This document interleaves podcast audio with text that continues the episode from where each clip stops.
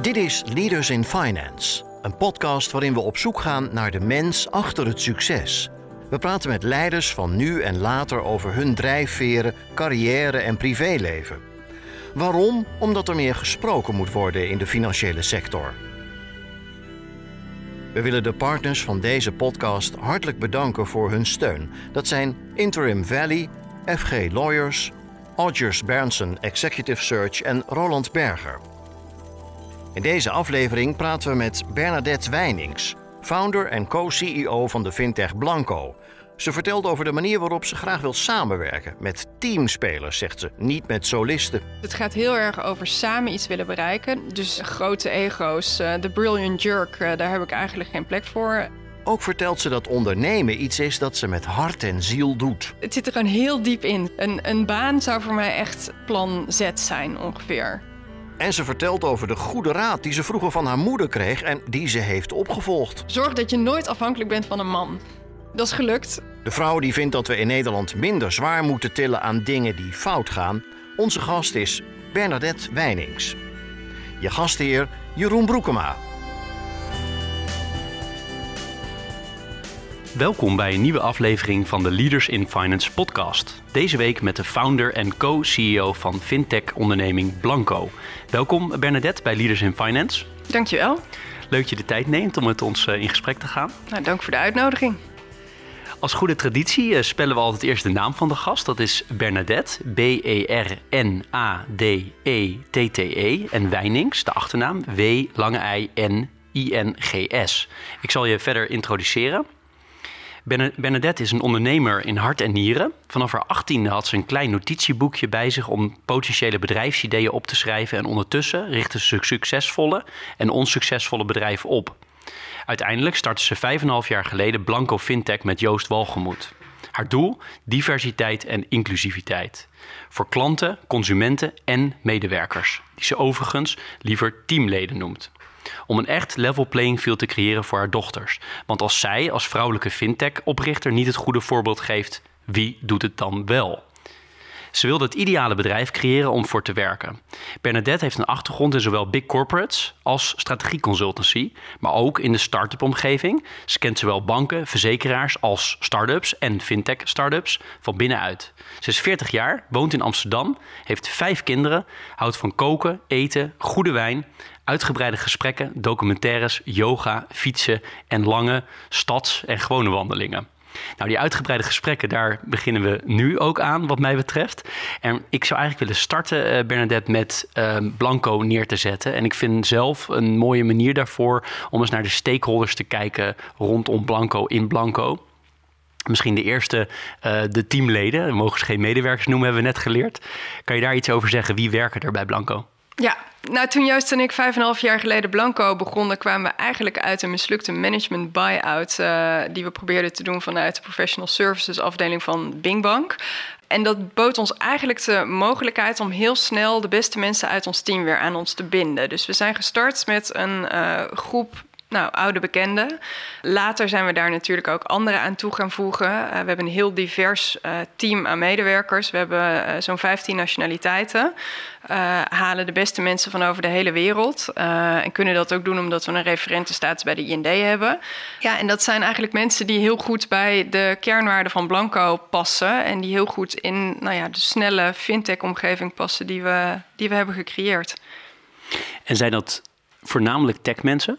Nou, ik zou zeggen, de helft is tech en uh, de andere helft zit er meer op het vlak van uh, operations, op het vlak van, nou ja, je hebt wat staf nodig natuurlijk ook. Hebben we niet zo heel erg veel. We hebben twee finance mensen en een HR people manager. maar dat zijn mensen die in delivery zitten, in customer succes. dus eigenlijk een klantkant en een technologiekant. Mooi bruggetje naar de klantkant, de volgende stakeholder. wat voor soort klanten heeft Blanco? Nou, Blanco is opgericht specifiek voor vermogensbeheerders. Uh, dat is ook het product wat we bieden. We hebben eigenlijk een, een platform voor vermogensbeheerder, voor vermogensbeheerders. Een hele workflow, echt van begin af aan, van het onboarding van klanten tot aan het eind het administreren van hun assets. Ehm, dus onze klanten zitten in die vermogensbeheerhoek. En dat kunnen zelfstandig vermogensbeheerders zijn, maar dat kunnen ook fondsen zijn, venture capital fondsen, private equity fondsen, family offices, maar bijvoorbeeld ook cryptocurrency platformen, dat soort partijen. Eigenlijk iedereen die met het opbouwen van vermogen te maken heeft en met de daaraan gerelateerde wet en regelgeving. Zijn er ook klantnamen die je mag noemen? Nou ja, zeker. Kijk, eh, er zitten een paar grotere uh, klanten bij. Uh, dat is onder andere Franks, dochter van ABN AMRO. Maar we hebben ook partijen van het eerste uur, Index Capital, Top Capital. dat zijn zelfstandig vermogensbeheerders die onze klanten zijn. Dat soort partijen zijn het eigenlijk, ja. Stakeholder-eigenaren, wie zijn eigenlijk de eigenaar van Blanco? Nou, een, een, een, stukje is nog van, uh, van mij en Joost. Uh, een vrij groot deel is nog van uh, medewerkers ook. we hebben heel erg bewust gekozen om te delen vanaf het begin, omdat we denken dat nou ja, delen vermenigvuldigen is. We hebben een grote groep aan angel investors. Um, dat zijn over het algemeen mensen uh, ook uit de sector die snappen wat we aan het doen zijn en die het belang zien van de ontwikkeling van ons soort producten. En dan hebben we drie venture capital partijen erin zitten. Uh, en dat zijn KBC Focus Fund, uh, Volta Ventures en Dutch Founders Fund. En zijn dat ook mensen die zich bemoeien, slash tips geven, netwerk aanbrengen voor Blanco? Ja, zeker. Dat, uh, de ene investeerder is wat actiever uh, dan de andere. Maar ze proberen zeker te helpen daar waar mogelijk, ja. Zou je dat ook aanraden aan mensen die um, geld ophalen en daarmee dus aandeelhouders krijgen... om mensen te zoeken die heel veel netwerk meebrengen bijvoorbeeld? Um, nou ja, je moet kijken waar je behoefte aan hebt, volgens mij. Uh, iedere, iedere venture capital partij brengt ook weer wat anders uh, op tafel. Um, het helpt als je een partij hebt die jouw taal spreekt. Uh, wat vooral belangrijk is, naar mijn idee, is dat je een partij hebt die, je, die jouw visie onderschrijft als founder of als founding team ja, en die dus ook begrijpt wat je, wat je aan het doen bent. Dus dat is nog belangrijker dan, dan specifiek dat netwerk meebrengen. Op het gebied van netwerk denk ik dat er eigenlijk niemand in de sector is die een beter netwerk heeft dan, dan, dan Joost en dan Wilfred en Koen, uh, onze uh, salesmannen die ook van Bingbank nog afkomen. Dus daar zit hem echt de kracht in. En wat, wat een venture capital partij wel doet, is een hele grote professionaliseringsslag brengen. Want er worden in één keer bepaalde rapportages aan je gevraagd. Je moet op uh, bepaalde KPI's gaan rapporteren. Dus je gaat op een hele andere manier naar je business kijken dan dat je natuurlijk gezien als founder doet. Uh, als founder, in ieder geval Joost en ik, uh, wij doen best nog wel veel op onderbuikgevoel. We zien de markt, we zien wat er goed is. en dat, ja, dat wordt dan later nog onderbouwd met cijfers. Um, maar dat is niet onze natural tendency om daar meteen naar te kijken. Als we nog kijken naar de stakeholder samenleving of breder uh, de, de maatschappij. Blanco die zegt zelf ook uh, op de website en elders van wij zijn eigenlijk best wel invisible hè, richting onze al zakelijke klanten. Dus je bent heel indirect misschien betrokken bij die samenleving of is dat juist niet zo? Nou, ik vind zelf dat we daar wel directer bij betrokken zijn. Uh, uiteindelijk is het, uh, ja, we zijn een B2B-bedrijf, maar ja, uh, daar komt uiteindelijk ook een consument aan vast natuurlijk. dus het is B2B2C in die zin. Um, en wat je ziet uh, is dat, of ik vind dat onze bijdrage uh, ook op het gebied van uh, financial inclusiveness ligt. En dat zit hem erin dat beleggen is heel lang voor alleen maar de rich and famous toegankelijk geweest. je had een traditionele vermogensbeheerder en die ging met zijn klant zitten en die ging het hele plan uitwerken. Nou, dat is best een kapitaalintensief gebeuren. En wat wij doen is wij zorgen door middel van technologie dat dat proces geautomatiseerd wordt. Um, waarmee je eigenlijk een veel bredere groep klanten kan bedienen, omdat de bedieningskosten lager worden. Nou, die bredere groep klanten kan dus ook al met een kleiner vermogen gaan uh, beleggen dan dat eerder mogelijk was. En dat is ook nodig, want spaarrentes zijn super laag of zelfs negatief. Um, er zijn steeds meer mensen die zelf een pensioen moeten opbouwen, dus die zelf moeten kunnen gaan beleggen. Dus het is ook nodig dat, die, uh, dat het vermogen waarmee je kan beginnen met beleggen, dat dat lager wordt. En dat maken we juist mogelijk door onze technologie. Dus ja, in die zin hebben we wel degelijk een, een effect op de samenleving. Uh, plus dan heb ik nog eigenlijk mijn eigen missie in het ondernemerschap. En dat is uh, dat ik ook uh, eigenlijk een diversere populatie voor werknemers wil, nou ja, wil hebben. Een, een, een, breder werknemersbeeld wil creëren. En dus ook kansen wil geven aan mensen die, nou ja, misschien niet de Nederlandse witte man met exact de juiste opleiding en ervaring zijn. Heb ik zelf nog een sub. Um stakeholder categorie bedacht. En dat is eigenlijk de leiding van het bedrijf. Dat, dat ben jij samen met Joost. Um, hoe geef jij leiding? Wat is jouw stijl? Ik uh, heb een coachende leidingstijl. Ik laat mensen heel erg vrij. Waar ik ontzettend in geloof is de combinatie tussen vrijheid en verantwoordelijkheid. Uh, dus het is heel belangrijk dat mensen exact weten wat hun verantwoordelijkheid is. En op het moment dat dat duidelijk is, dan krijg je van mij werkelijk alle vrijheid om dat in te vullen op de manier die het beste bij je past. Um, gaat het mis? Ja, dan zal ik zeker wel ingrijpen, uiteraard. Ik bedoel, het is niet een soort free-flow ding uh, dat je maar kijkt waar je eindigt. Uh, de resultaten moeten er wel zijn. Maar daarbinnen geef ik heel erg veel vrijheid. En ik vind het dan ook heel belangrijk om aan de poort mensen te selecteren. Eigenlijk met, met de juiste motivatie en met de juiste attitude. Nog belangrijker dan de juiste ervaring, want je kan heel veel dingen leren. En dan komen we toch weer terug op de drie pijlers waarop ik Blanco heb opgebouwd. Eigenlijk vanaf het begin, want ik wilde het ideale bedrijf om voor te werken creëren. En de eerste is diversiteit, omdat ik oprecht geloof dat meer diverse teams tot betere oplossingen komen. En vanwege de societal impact die ik eerder al noemde als female founder. Um, en de andere twee zijn uh, vrijheid en verantwoordelijkheid. Um, want op het moment dat uh, mensen volgens hun eigen balans kunnen werken, uh, presteren ze beter. Um, ze zijn gelukkiger. Uh, nou ja, en ook dus nog leuker om mee te werken. Dus dat is eigenlijk een win-win-win situatie. En ik, ik denk dat niemands balans van 9 tot 5 is. het, het is afhankelijk van nou, de dag in de week. Het is afhankelijk van je, je, je periode in je leven waar je in zit. maar op het moment dat je dat kan faciliteren. Um, kan je naar mijn idee een hele goede werkgever zijn voor een hele brede groep mensen. En uh, daar produceer je veel meer mee dan als je voortdurend met de zweep uh, achter iemand aanrent. Je noemde attitude, hè, dat dat heel belangrijk is. Je, de houding die je ziet in iemand. Of je had het geloof ik over de juiste attitude. Uh, sommige mensen zeggen ook hiring for attitude. Het komt best wel vaak terug in de podcast ook. Dat mensen dat belangrijk vinden. Maar ik ben altijd nieuwsgierig naar van wat is nou de juiste attitude bij iemand. Want het kan ook best wel wijzigen volgens mij.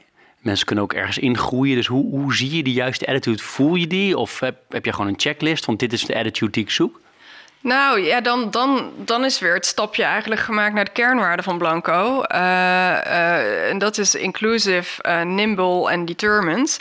Iemand moet super uh, nou ja, determined zijn, vastberaden om met elkaar dat doel te bereiken. Uh, dus het gaat heel erg over samen iets willen bereiken. Dat is dat, is dat inclusive. Met elkaar wat creëren. Um, dus ja, grote ego's. De brilliant jerk, daar heb ik eigenlijk geen plek voor binnen de onderneming. Um, het gaat om een, toch dat resultaat willen creëren en eager zijn om iets te bereiken. En daarin mag je best wel fouten maken. Het gaat er niet om uh, dat je. Kijk, ondernemen is ook namelijk eigenlijk voortdurend problemen oplossen. Je moet alleen zorgen dat je problemen steeds beter worden en dat de uh, problemen die je hebt, dat je die leuk vindt om op te lossen. Um, maar op het moment dat iemand nieuwsgierig is, wil bijleren, zich wil ontwikkelen, ja, dan komen we een heel eind met elkaar. We zeiden in introductie al dat jij uh, jezelf echt ziet als ondernemer. Waar um, komt dat vandaan? Voor mijn gevoel zit het echt in mijn bloed. Um, ik uh, uh, heb vanaf mijn 18 had ik altijd een boekje bij me met uh, business ideeën, ja, plannen die ik wilde gaan uitvoeren. Um, en daar zit ook een hele grote drang naar vrijheid in. En eigenlijk ook gewoon een enorme eigenwijsheid. Um, ja, het zit, het, zit er, het zit er gewoon heel diep in, zeg maar. Een, een baan zou voor mij echt uh, plan Z zijn, ongeveer. Toch ben je daar wel mee begonnen? Ja, daar ben ik mee begonnen, maar wel binnen de meest ondernemende context die je kon vinden. Um, mijn, mijn, achtergrond is in strategieconsulting. Um, toen ik klaar was met studeren, had ik wat, wat verschillende keuzes. Um, en uiteindelijk heb ik de keuze voor, voor specifiek voor strategieconsulting gemaakt. want dat was eigenlijk geen keuze. Daarmee kon je nog 150 andere kanten op. Daarmee kon je allerlei sectoren van binnen zien, kon je allerlei disciplines uh, bekijken. Um, het voordeel is, daar leer je alles 80% mee. Uh, wat best wel een fijn ondernemersprofiel is. Uh, maar de partij die ik koos, dat was Quintel. Die kwam voort uit Arthur D. Little, is nu inmiddels uh, E.T. Carney geworden. Um, maar dat was een partij waarin eigenlijk alles kon. Dat was uh, 35 man, er was ongeveer geen beleid. Um, uh, ik reed in een kauwgomballen uh, blauwe Citroën C3 met bijpassende telefoon uh, in dezelfde kleurtjes rond. Ik had bedacht dat ik daar een business course wilde organiseren. Nou, daar kreeg ik dan budget voor en dat kon dan gewoon. En ik kon daar heel erg, nou ja, binnen het vak van strategieconsultant kon ik daar best wel mezelf zijn. Dus ik hoefde niet in een mal te passen. Of in mindere mate in ieder geval dan uh, bij de andere strategiekantoren, laat ik het zo zeggen. En ik kon daar aandelen krijgen. Dus ja, ik, ik had meteen het idee dat ik, dat ik ook voor mezelf werkte een beetje. Dus nou, dat was het meest ondernemende wat ik, uh, wat ik daar kon, kon verzinnen. En op een gegeven moment kreeg ik daar ook de ruimte om te gaan ondernemen. Ik ben daar vier dagen in de week gaan werken om mijn, mijn eerste eigen onderneming te, te proberen. Enorm gefaald, maar veel van geleerd. Dus ja, dat, ja, het heeft er altijd in gezeten. Mooi verwoord. Ik kan heel veel kanten op met alles wat je zegt. Maar waar ik, waar ik voor kies is, je zegt het is best wel goed om uh, voor ondernemerschap om 80% iets te kunnen. Ja. Verklaar je nader. Nou, als ondernemer helemaal in het begin is het gewoon letterlijk met je, met je voeten in de modder en de spetters in je gezicht. En uh, je moet een IKEA-bureau in elkaar kunnen schroeven, maar je moet ook een IT-architectuur kunnen bepalen.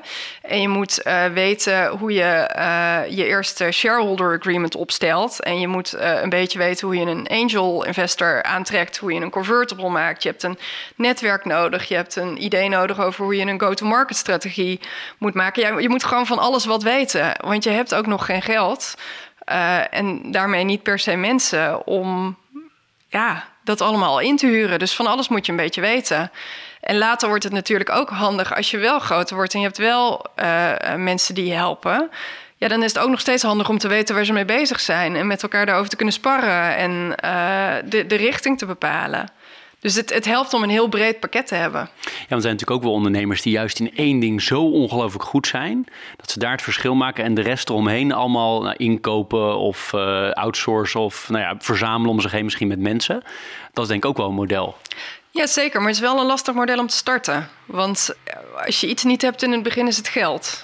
Dus dat, dat, dat werkt zeker. Maar deze, deze methode lijkt me handiger. En wat ik nog wel als pitfall zie voor het meer echt het experttype ondernemer is dat je toch ook nog wel regelmatig ziet dat dat soort partijen lastiger commercieel van de grond komen. Die hebben dan een fantastisch product. Zie je ook wel in onze markt hoor, bij, bij, bij Blanco. Weet je, als je kijkt naar de Europese markt, uh, zijn, is bijvoorbeeld uh, de, de portfolio management partijen zijn best wel scattered in Europa. Dat zijn nou, veelal legacy-partijen niet zo heel erg groot. Uh, een mannetje of uh, zeg uh, 5 tot, tot 20. een hele trouwe klantengroep. Groeien traag, in ieder geval in vergelijking met, met, met Blanco. met, of met een partij als Blanco. Um, en dat, die, die hebben het ideale product ontwikkeld maar ja, die weten dat dan niet voldoende te commercialiseren. Dus het blijft altijd een beetje aanmodderen. Het zijn voor ons hele interessante potentiële overnamepartijen daarmee. Omdat wij daar wel dan ook die commerciële slagkracht achter kunnen zetten. Maar dat is het risico van echt de expert-ondernemer zijn in mijn ogen. Ik kan me, kan me heel goed voorstellen. In de introductie hadden we het ook over succesvolle en minder succesvolle start-ups en uh, andere dingen die gestart bent. Waar ik benieuwd naar ben is, hoe ga je ermee om als het dan helemaal niet loopt of, of na een tijdje niet meer loopt? Hoe ga je om met wat je eerder noemde falen? Ja, ik heb niet zo'n probleem met falen in die zin. Op het moment dat het niet meer werkt, ja, dan moet je er gewoon mee ophouden. Um, en dat is dan echt wel pijnlijk. Uh, dat is echt wel even slikken en dat is een teleurstelling. Maar ik ben extreem van het vooruitkijken. Ik ben helemaal niet van het terugkijken. De, de, het, ja, dat is dan gebeurd. Ja, dat is, dat is jammer. Je, je hebt er wat van geleerd. Ik Hoe van, bepaal je dat punt? kijk, de, de eerste start-up die ik veelde, of nou, die kwam eigenlijk niet echt van de grond. Dat was, uh, dat was uh, heette La Lente. Ik ging uh, een concierge service voor particulieren in Amsterdam starten. Achteraf gezien denk ik ook, wat was dat voor stom idee? Het is totaal niet schaalbaar. Hartstikke arbeidsintensief. ga lekker iets met tech doen. Um, maar goed, toen, toen wilde ik dat uitproberen.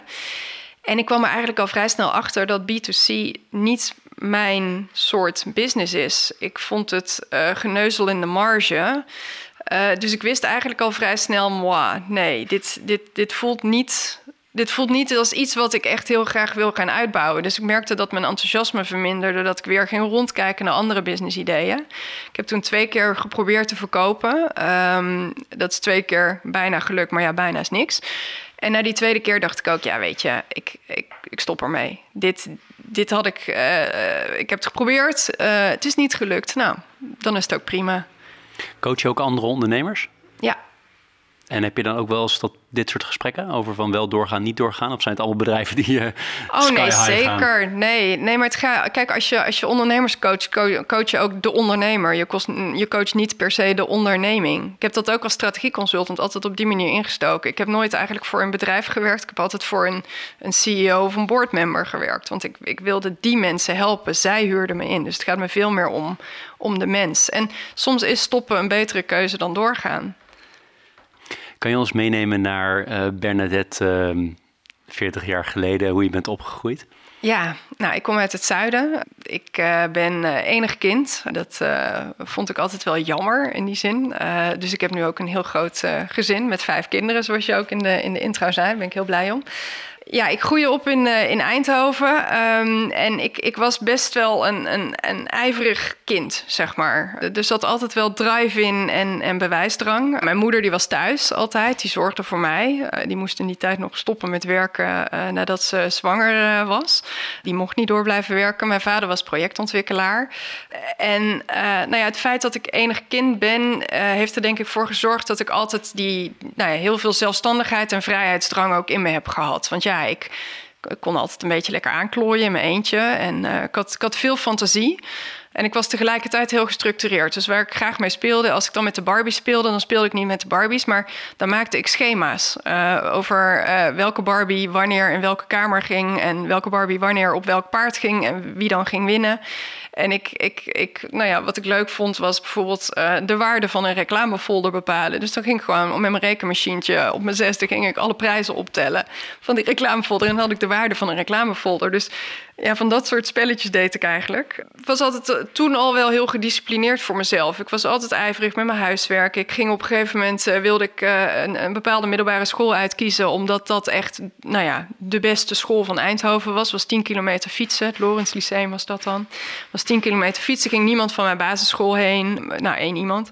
Maar dat maakte me niet uit. Dus ik, ik, ik, ik, ja, ik maakte voor mezelf die keuze. En nou ja, dan was het ook wel leuk om dan negen vakken te doen... het gymnasium in plaats van zeven. Want ik ging wel even laten zien dat ik dat ook kon. Dus ik was heel ja, ijverig en streberig eigenlijk. Bijna op het irritante af, denk ik. Nou, uiteindelijk uh, kwam ik aan het eind van mijn middelbare schooltijd bij de, bij de studieadviseur. En ik was altijd wel goed in de exacte vakken. Dus ik twijfelde, ik kwam daar, ik zei, ik twijfel tussen farmacie en international business. Nou, het lag ook uh, mijlenver uit elkaar. En toen zei de, de, de, de, de, de studiekeuzeadviseur, die zei tegen mij, nou Bernadette, zie jij jezelf de rest van je leven in een laboratorium staan? Of wil jij een spannend internationaal leven met veel reizen en uh, uh, mooie mensen ontmoeten? En uh, wat wil je? Nou ja, goed, hè, dat was vrij helder wat het, wat het toen werd. En op dat moment had je, had je voor international business kon je kiezen uit Tilburg en Maastricht. Eigenlijk allebei, naar mijn smaak, wat te dicht bij Eindhoven. Maar ja, goed, hè, dat, dat, dat was de keuze. Uh, en ik heb voor, voor, voor Tilburg gekozen, uh, omdat die stad, ja, die leek mij gemaakt voor studenten. Dat, er was daar, ja, je hebt daar ook niks behalve studenten. Dus dat, dat leek, me, leek me mooi om daar een aantal jaar door te brengen. Ik ben daar lid geworden van de studievereniging. De ontgroening leek mij namelijk echt helemaal niks. Dan ging iemand mij vertellen wat ik moest doen. Nou, dat paste niet in mijn, in mijn gedachten. Dat leek me helemaal niks. Ja, en ook bij die studievereniging was ik weer een enorme streber. Want dan wilde ik weer. Ik las het ook in jouw artikel in het FD. Ik wil wel iets doen, maar dan wil ik de voorzitter zijn. Nou, dat vond ik heel erg herkenbaar. Dat, uh, dat wilde ik ook. Dus uh, nou ja, ik ging van de Lustrum-commissie naar inderdaad voorzitterschap van de, van de vereniging. En dat, ja, daar heb ik ongeveer meer geleerd dan, dan van mijn hele studie uh, qua boeken bij elkaar. Wat handig is, is dat ik geleerd heb om, om een balans te lezen en een PL te maken, et cetera. Uh, maar de echte les zit hem uiteindelijk in uh, de actieve stukken daar, daarbuiten. Ik, uh, ik ben in Nice geweest om te studeren, een half jaar op een uh, Grand École daar.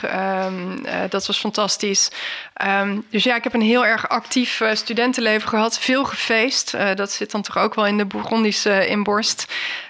Um, dat, is, dat, is, dat is zeker ook heel, heel belangrijk. Ik wil iets vragen over dat, dat ijverige en dat streberige. Ja. Welke rol speelden je ouders daarin? Nou, mijn moeder zei altijd: uh, als je je best doet, dan is het goed genoeg. Dat is hartstikke lief bedoeld. En ergens is dat een hele moeilijke opdracht, want je best is nooit klaar, namelijk. Um, en mijn moeder zei altijd: jij, uh, het is belangrijk dat je zelfstandig bent, dat je voor jezelf kan zorgen. Zorg dat je nooit afhankelijk bent van een man. Um, nou ja, dus dat, uh, dat is gelukt. Uh, dus dat, ik denk dat dat erin meespeelde. Maar het is denk ik, ik heb er wel ook over nagedacht. Het zit denk ik heel erg in mij het, uh, ja. En je vader was die, je zei projectontwikkelaar, was die ja. ondernemer of was die in loondienst? Nee, die was in loondienst. Ja, die, uh, die uh, nou, bij verschillende uh, bouwbedrijven, uiteindelijk bij, bij Volker Wessels. Hij heeft aan hele mooie dingen gewerkt in Eindhoven. Echt de, de Philips-iconen, zoals de, de lichttoren, et cetera, heeft hij heeft hij ontwikkeld. Dus dat, ja, dat was ook mooi. Als wij door de stad reden, dan, dan mijn vader had altijd wel gebouwen die hij ontwikkeld had. En, en ja, dat was hartstikke leuk. Dat, zijn er nog cruciale momenten geweest in die periode van 0 tot, uh, ik weet niet wanneer de studententijd precies af was, 25 of zo? Die heel... ik, was, ik was ijverig, hè? dus 23 oh, netjes. 23.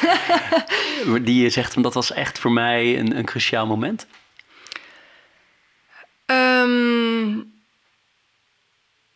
nou, dat zijn meer, dat zijn meer periodes. Um, dus inderdaad, bijvoorbeeld een periode in Nice. Uh, ik kwam daar aan, um, uh, ook uh, knijter eigenwijs. Ik had, ik had op afstand een, een kamer gehuurd. Nou, dat was eigenlijk niet zo'n geslaagd gebeuren, om heel eerlijk te zijn. Ik, als ik daar naar, het, het lag op een heuvel. Uh, en als ik naar mijn kamer wilde, dat was in een soort studentenhuis, wat overigens meer op een gevangenis leek dan op een studentenhuis, dan moest ik alle, voorbij allerlei prostituees die daar stonden te tippelen. Um, en uh, er was daar ook geen keuken. Uh, dus ik heb uh, enorm leren koken op een tosti-ijzer. Daar kun je heel veel dingen mee. Ik weet ook de houdbaarheid van diverse items buiten de koelkast bij 25 graden. Dat is langer dan je denkt, overigens. Maar ja, ik had die keuze gemaakt en ik ging echt no way toegeven dat het eigenlijk de verkeerde keuze was. Dus ik ben, ja, dan, dan, ik ben dat diehard uh, in gaan zitten en lekker doorgebikkeld in dat huis wat eigenlijk niet zo heel geschikt was. Uh, maar te eigenwijs om toe te geven. Maar daar leer je ook wel van. En überhaupt in je eentje naar het buitenland gaan. Uh, ja, daar leer je een hoop van. Je bent op jezelf aangewezen. En uh, nou, soms is dat leuk en soms is dat, dat niet leuk. Maar je wordt, er wel, je wordt er wel wat taaier van. En de financiële sector, waar je dan pas veel later in terecht kwam. Maar is dat iets, je zei het al even in mijn jeugd, ik was al aan het optellen en aftrekken en weet ik veel lijstjes aan het maken. Maar heb je daar altijd specifiek iets mee gehad? Nee. Waarschijnlijk ben ik een van de weinigen in je podcast uh, die, dit, uh, die dit zegt. Nee, het had echt, het could have been any other sector. Uh, in de zin van, ik heb als strategieconsultant ook heel veel sectoren, heel veel andere sectoren gezien. Ook bijvoorbeeld de zorg en het afval, de energie. Het feit dat het nu uiteindelijk Blanco in finance is geworden, is puur vanwege Joost zijn achtergrond. En het feit dat hij die markt zo goed kent en daar de gaten in de markt zag of de, de gaten, hoe, noem je dat? De mogelijkheden in de markt. En ook dat we de wind mee hadden op het gebied van uh, regulatory uh, wijzigingen die er op dat moment plaatsvonden. Maar het, ik, kijk, het kan van alles worden. En uh, eigenlijk het lijstje wat ik voor Blanco had, zo'n lijstje heb ik nog steeds. Want er is vast ook een keer een na Blanco. En dan, dan ga ik ook weer dingen doen. En dan zal er vast ook iets tussen zitten in financial services. Maar er zitten gegarandeerd ook dingen tussen die niet in financial services zijn. En dan de brug naar geld, niet zakelijk, maar privé. Is geld uh, belangrijk voor je? Je moeder gaf mee van zorg dat je niet uh, dat je onafhankelijk bent, dat je niet afhankelijk bent van uh, iemand anders. Ehm, wat nog meer? Wat is, wat is geld voor jou? Geld is vrijheid. Daarmee is het eigenlijk ook niet, niet super belangrijk. Waarbij ik ook me besef dat ik in een makkelijke positie zit om dat te zeggen. Want ik heb natuurlijk best wel wat kunnen opbouwen over de afgelopen jaren. Ook als. Ik heb, ik heb, ik heb natuurlijk naast Blanco hiervoor ook het strategiekantoor opgericht. Ehm, en ik heb een hele fijne basis. Ik heb een fijn huis. Um, ik uh, heb uh, sinds uh, kort een Volkswagen camperbusje. Dat is echt mijn pride and joy, zeg maar. Um, maar dat is ook, ook dat is vrijheid. Um, want wat is dat? Ja, if all else goes wrong, dan stap ik daarin met Joost. Dan rijden we naar Zuid-Frankrijk. Dan hebben we nog iedere dag een stokbrood, een fles wijn en een pakje Boursin nodig. En verder niks. Dus het is, dat, dat is de ultieme vrijheid. Dus uh, uh, eigenlijk heb ik dat niveau van vrijheid bereikt nu. En uh, nou ja, alles extra is mooi meegenomen, maar zeker geen driver. Waarom ik Blanco heb en waarom ik Blanco bouw, is omdat ik um, heel graag met leuke mensen werk. En in mijn eigen onderneming kan ik mijn eigen mensen uitkiezen. en ik hou van bouwen, ik hou van iets creëren. Maar of ik nou uiteindelijk 1 of 4 of 40 miljoen op mijn bankrekening heb, ja, het zal mij echt totaal niet uitmaken. Nou, 1 miljoen is ook al best veel hoor. Maar um, is het dan niet leuker om eigenlijk te beginnen met, uh, die, die, met, met zo'n bedrijf in de eerste jaren, in plaats van het runnen als het al veel groter is? Voor jou? Nou, als het nog veel groter wordt, uh, zeker. Uh, uh, want ik hou inderdaad van het bouwen, maar het is niet zo dat ik nu ben uitgebouwd. er zijn nog iedere keer hele leuke, spannende fases. Uh, we zijn nu met, uh, met 60 man. Dat is eigenlijk best een lastige fase in die zin, want je bent te groot om geen tussenlaag te hebben qua management, maar je bent ook te klein om het wel te hebben. Dus dan is het nog heel erg als managementteam ook. Je bent eigenlijk te veel praktische dingen uh, nog aan doen. Nou, we zitten nu op 135 klanten. We willen graag binnen drie jaar naar 1000 klanten groeien. We zitten nu in zes landen. Uh, met klanten. Nou, dat aantal willen we ook graag wat uitbreiden. Of in ieder geval in.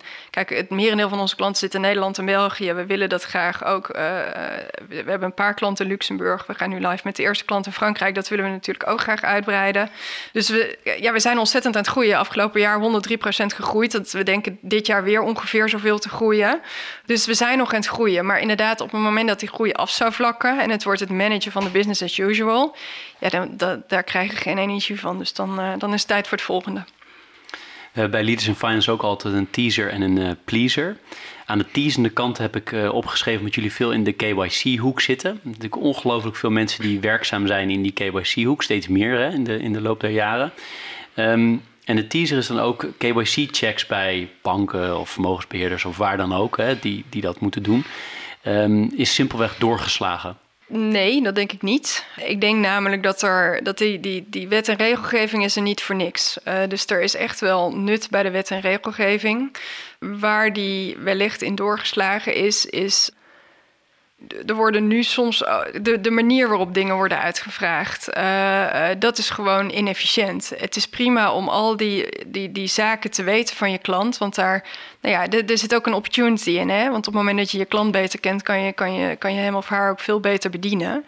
Um, dus ik denk dat dat prima is. En je voorkomt er nare dingen mee, zoals uh, witwassen, uh, terrorisme, financiering, et cetera. Dus ik denk dat het goed is dat die wet en, regelgeving, er is. De manier waarop die uitgevoerd wordt, nou, die is wel degelijk suboptimaal. Er gebeurt echt nog veel handmatig. Uh, komt ook door de snelheid waarmee dat gedaan moet worden, waarmee dat geïmplementeerd moet worden. Soms blijft daar de technologie dan, of de technologie-implementatie wel bij achter. Um, maar ja, technologie kan daar juist bij helpen. En dan denk ik dat dat helemaal niet per se doorgeslagen is. Nee, want uh, bijvoorbeeld ook voorgaande gast Tom Lonen, die schreef recent ook een artikel in het FD. En die zei van ja, we moeten daarin wel de goede balans blijven houden. Dat je hoeft ook niet meer niet per se elke vorm van documentatie op te vragen. Mijn woorden hoor, ik quote waarschijnlijk helemaal verkeerd. Maar dat, dat we wel moeten kijken, ja, we moeten natuurlijk moeten we alles doen om, om witwasbestrijding en, en dat soort activiteiten tegen te gaan. Aan de andere kant kunnen we, kunnen we ook wel op een punt komen dat we echt zoveel documentatie hebben, dat het meer wordt het zoeken van het vinkje zetten van de juiste documenten die we allemaal opvragen.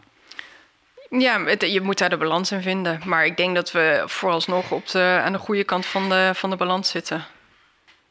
Aan de pleasende kant, die zal je niet verbazen, want ik hoorde in het voorgesprek dat je al wat dingen van Leaders in Finance gehoord hebt, is altijd over boeken. En of jij graag leest en of er bepaalde boeken zijn die je zou willen aanbevelen of die veel impact hebben gehad op jou. Ja, nou, ik lees ontzettend graag. Als je aan mij vraagt hoe, hoe ontspan je, dan, uh, of wat is je ultieme beeld van ontspannen, dan, dan zit ik met een, een boek of een tijdschrift uh, op de bank met een kop thee of op een strandbedje met uh, nou, misschien een glas lekkere wit wijn erbij. Um, dus ik lees heel graag. Um, ik lees niet per se super interessante boeken in die zin. ik hou van romans, ik hou van tijdschriften. als ik er dan toch een zou moeten aanraden, zou het Solve for Happy zijn van Molko Dat. En dat gaat er heel, dat, ook dat gaat over actions en attitudes, zeg maar. Je kan, kijk, eh, je kan een bepaalde situatie, uh, eenzelfde situatie kan je op meerdere manieren bekijken. Ik had het daar met Joost ook over. We waren dan een week weg voor de, voor de meivakantie.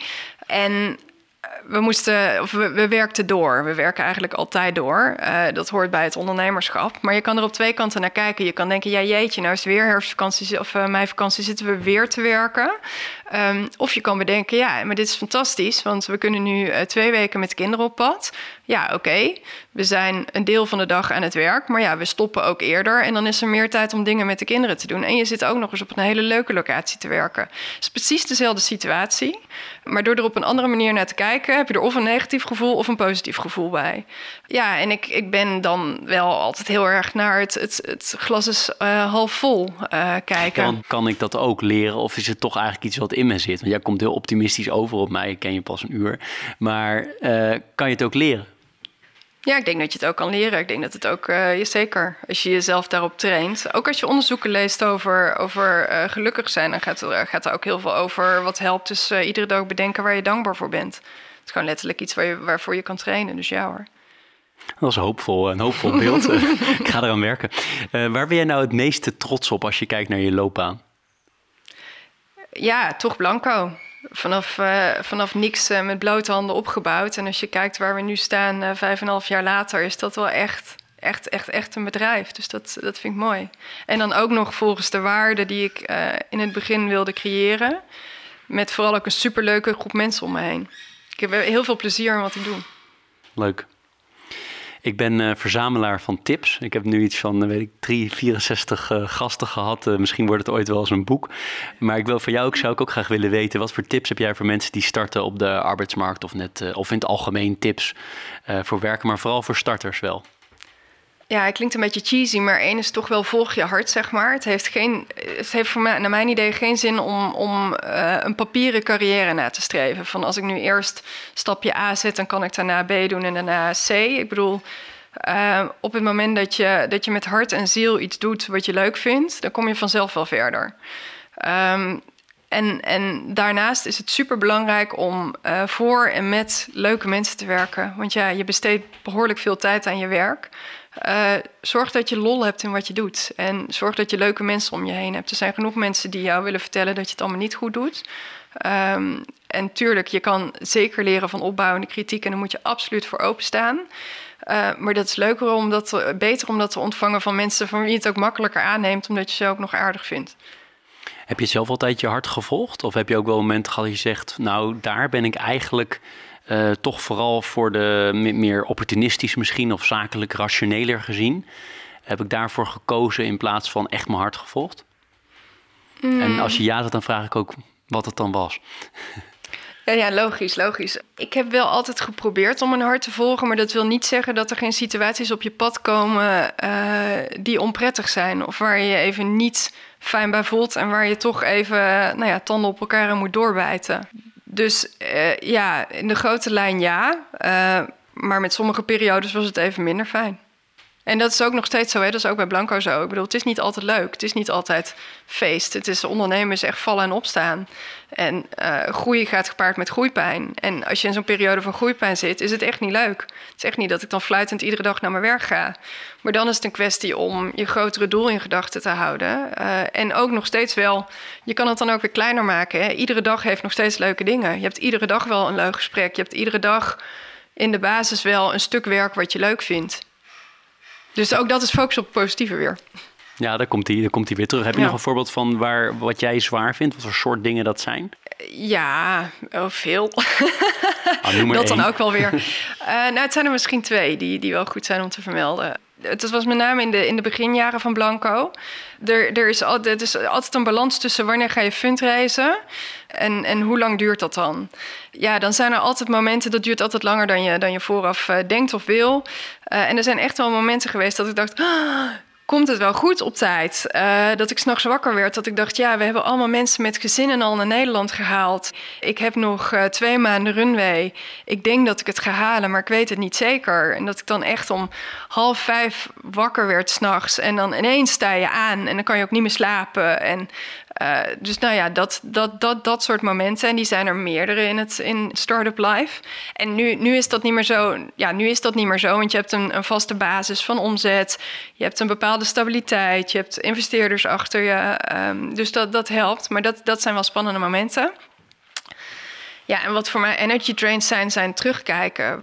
Ik vind dingen één keer doen heel mooi. Dus ik vind bijvoorbeeld een financieel model bouwen eh, hartstikke leuk. Maar zodra ik het gemaakt heb en ik moet nog drie keer terug om aannames te gaan checken en dingetjes te, aan te passen, vind ik verschrikkelijk. Reporting, terugkijken, oh nou echt draag me weg. Dat is al geweest, weet je wel. Ik bedoel, laten we vooruitkijken naar wat we nu gaan doen. Maar hoort er wel bij ook. In de voorbereiding las ik ergens, ik weet dus niet meer waar, dat is een beetje tricky zonder bronvermelding, maar dat jij over jezelf gezegd hebt van ik, ehm, ik heb wel echt zelfspot. Ja. Klopt dat? En, en Ja. kan je eens voorbeelden van geven van waar moet ik dan aan denken?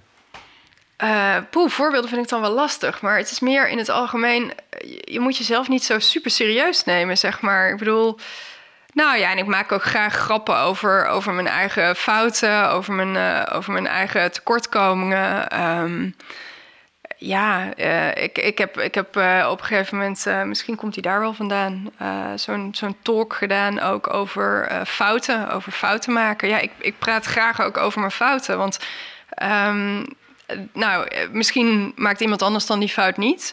Ik heb, er, ik heb er veel van geleerd. En ook als je een omgeving creëert waarin je juist fouten mag maken, creëer je ook een, een omgeving waarin vooruitgang mogelijk is. Want je kan alleen maar vooruitgang bereiken als je ook dingen fout kan doen. Zie je veel mensen die bang zijn om fouten te maken? Ja, ik denk dat dat intrinsiek wel überhaupt in de mens zit. Ja. En wat, wat zijn dan tips om dat wel te durven doen? Wat zou je dan tegen mensen zeggen? Ja, het hangt heel erg van de omgeving af. Je moet wel in een omgeving zitten die dat accepteert. Uh, dus uh, wat dat betreft kan je het beste dan een, een, een manager zoeken uh, die, die dat oké vindt. Het is bijna zelfs een vraag die je zou moeten stellen in een sollicitatiegesprek. Hoe ga je om met fouten maken? is ook een vraag die ik stel op het moment dat ik met, met VC's praat. Oké, als, alles, als alles goed gaat, is het makkelijk, zeg maar. Dan, dan, gaat iedereen makkelijk met elkaar om en dan is het uh, zonnig en uh, gezellig. Maar wat gebeurt er als het even niet goed gaat? Uh, en dat, dat juist die kanten zijn de interessante kanten. En dan, dan leer je ook de ander goed kennen. Uh, dus het zou bijna een selectiecriterium moeten zijn als je die toch nog wil toevoegen aan je tips voor starters. Die, uh, die nemen we zeker mee. Ik vind het een hele mooie. Ik denk wel dat je een soort van heel veel voorbeelden moet vragen in zo'n sollicitatiegesprek om het ook echt levendig te maken. Want je kan wel zeggen, ja, ik baal er heel erg van, dan ga ik harder werken, maar dat is best wel vaag. Je zal denk ik wel voorbeelden moeten vragen in dat sollicitatiegesprek over hoe dat iemand dan ook echt gedaan heeft. Want anders dan uh, wordt het volgens mij best wel snel abstract. Ja, klopt. Ja. Maar we zitten even sollicitatievragen te bedenken samen. dat is wel leuk. Um, ik ben ook benieuwd naar het managen van uh, privé en werk. We hebben al wel wat gehoord hè, tussendoor. Je zegt we werken heel veel, we werken heel vaak, ook tijdens vakanties. En dan houden we ook vakantie, maar we werken ook. We hebben ook gehoord dat je vijf kinderen hebt in het gezin hier. Dus hoe uh, manage je dat en hoe heb je dat gemanaged? Nou, in ieder geval met heel veel hulp. Veel dank aan mijn, uh, mijn moeder, die nu naar Amsterdam verhuisd is ook, vanuit Eindhoven. Heel cool. Dat is, uh, vond ik heel stoer. Na uh, 65 jaar eh, Eindhoven besloot ze om hier richting de Zuidas te vertrekken. Mijn moeder helpt heel veel. We hebben een personal assistant die heel erg veel voor ons doet. Uh, zowel hier in huis, gewoon de praktische dingen regelen, uh, als ook op de kinderen passen, uh, als ook afspraken maken binnen Blanco, daar taken oppakken. En dingen lopen door elkaar heen. Qua, ja, het is interessant, dingen lopen door elkaar heen en dingen zijn getimeboxed, grappig genoeg. dus inderdaad, zo'n vakantie, dat is half werken, half vakantie. En dat is, ook, dat is ook oké. Maar ik zorg wel dat ik altijd maar met één ding tegelijk bezig ben. Dus ik ben of aan het werken. Of ik ben bij de kinderen. Uh, op het moment dat ik bij de kinderen ben en ik doe nog een halve meeting uh, terwijl ik met mijn hand sta te wapperen dat ze even moeten wachten, daar krijg ik stress van. Dat is dan wel weer gescheiden. En ik geloof heel erg in work hard, uh, play hard, rest hard. dus het is wel, het is zaak om je eigen balans te bewaken. Voor mij is sport heel belangrijk. Dat doe ik iedere ochtend. want anders blijf, ik, blijf ik letterlijk niet op de been, denk Wat doe je dan? Uh, van alles. Ja, nu met corona is het wat, uh, wat lastiger. Maar in, in normale tijden doe ik uh, recycle. Dus zo'n soort spinning op een fiets met allemaal muziek en gewichtjes, et cetera.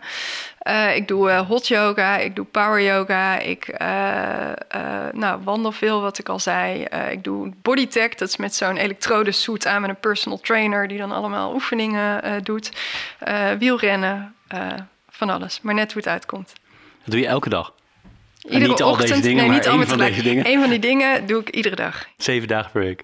Ja, Wauw. Dat is, eh, dat is, en dan blijf je wel fit, denk ik. En, en mentaal, wat doe je om mentaal fit te blijven? nou ja, da- da- daar helpt dat sporten ook bij. Ja, en ik hou gewoon heel erg van wat ik doe. Dus da- daarmee, eh, daarmee gaat het automatisch wel goed. Ja, los daarvan wat ik al eerder zei, ik hou ook wel van een feestje. Dus af en toe gewoon een, een lekkere uitspatting. Of eh, nou, gewoon een, een, goed diner. Eh, lekker koken vind ik ook fijn. Gewoon lekker dingen in blokjes snijden. Eh, heel ander niveau van, van activiteit. Ja, En naast je werk, je primaire werk en je gezin, doe je ook nog best wel dingen daarnaast, volgens mij. Qua, je noemde net al de, de consultancy. Je zit nog op, op geloof ik. Kan je iets meer vertellen over wat je allemaal, allemaal doet? Ja, nou ja, wat je al zei, het coachen van, eh, van eh, andere ondernemers. Ehm, ik zit op, eh, in de supervisory board, de, de RVC van Savinio, is een andere scale-up, een tech scale-up.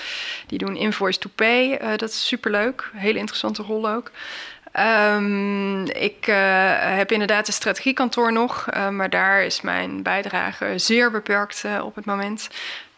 Nou, dat, eh, dat was wel zo'n beetje. nou, dat lijkt me ook wel voldoende hoor, alles bij elkaar. als, eh, tenminste, als ik er als buitenstaander naar kijk. Eh, iets anders wat ik je nog zo tegen het einde wilde vragen is... het is al een aantal keer, om, ik, heb zitten, ik heb het opgeschreven, drie keer teruggekomen... dat je wijnliefhebber bent. Het is in dit gesprek in de intro en nog twee keer elders. Dat, dat klopt dus. Ehm, maar waar komt dat vandaan? En ben je echt wijnliefhebber in de zin van dat je er ook veel van af weet? Nee, ik weet er niet heel veel van af. Mijn vader zei vroeger altijd al: het leven is te kort om slechte wijn te drinken. Dus dat adagium, dat heb ik altijd eh, eh, nou ja, eh, gevolgd. Nee, het, klinkt nu ook alsof ik bijna iedere dag hier een fles wijn opentrek. Wat helemaal niet waar is. We, hebben, we drinken helemaal niet super vaak. Maar als we wat drinken, dan drinken we wel iets wat echt lekker is. En het past, ja, het past voor mij in dat, in dat Bourgondische lekker eten, iets drinken. En, en daar zit dan ook weer aan verbonden eh, met elkaar om, om tafel. We zitten hier aan mijn keukentafel. Nou, dit is een veelgebruikte keukentafel. Dit is echt het, het centrale punt voor gesprekken. En eh, dat is wat ik mooi vind. Het, ja, gewoon ook hier. De, de deur staat hier altijd open. Iedereen, eh, alle vrienden zijn altijd welkom. Weet ook iedereen. Eh, ik heb altijd eten voor eh 18 man. Dus eh, maakt niet uit wie er wil komen. Je kan altijd aanschuiven. En het staat voor mij bijna symbool voor juist die, die connectie, die mooie gesprekken. Dat, eh, en dat is dan weer de work hard, play hard, rest hard. Dat valt in de categorie eh, play hard. Eh, eh, en tegelijkertijd zorgt dat dus ook voor, voor die mentale ontspanning weer. Wauw, nou dat is, dat is prachtig. Dat is een prachtig eh, mogelijk einde. Maar ik stel altijd nog de eindvraag. Is er iets, Jeroen, waarvan je zegt... dat had je moeten vragen of dat had ik heel graag willen vertellen? Nee, ik denk dat het een vrij eh, compleet eh, beeld was. En ik denk ook dat we nog uren hadden door kunnen praten. Maar eh, ik vond het leuk, dankjewel. Ja, ja, jij heel erg bedankt voor al je tijd die je erin gestoken hebt. En ehm, nou, ik heb altijd enorme voorliefde voor dat, dat soort antwoorden. Van we hadden nog langer kunnen doorpraten. Dus misschien wellicht over een aantal jaar nog eens een keer deel 2 met Bernadette. Eh, voor nu wil ik je heel hartelijk danken. Je krijgt zo meteen nog een klein cadeautje voor je, voor je tijd die je erin gestoken hebt. Voor je deelname aan, eh, aan Leaders in Finance. Ehm, dus rest mij nogmaals te zeggen dankjewel. Jij bedankt.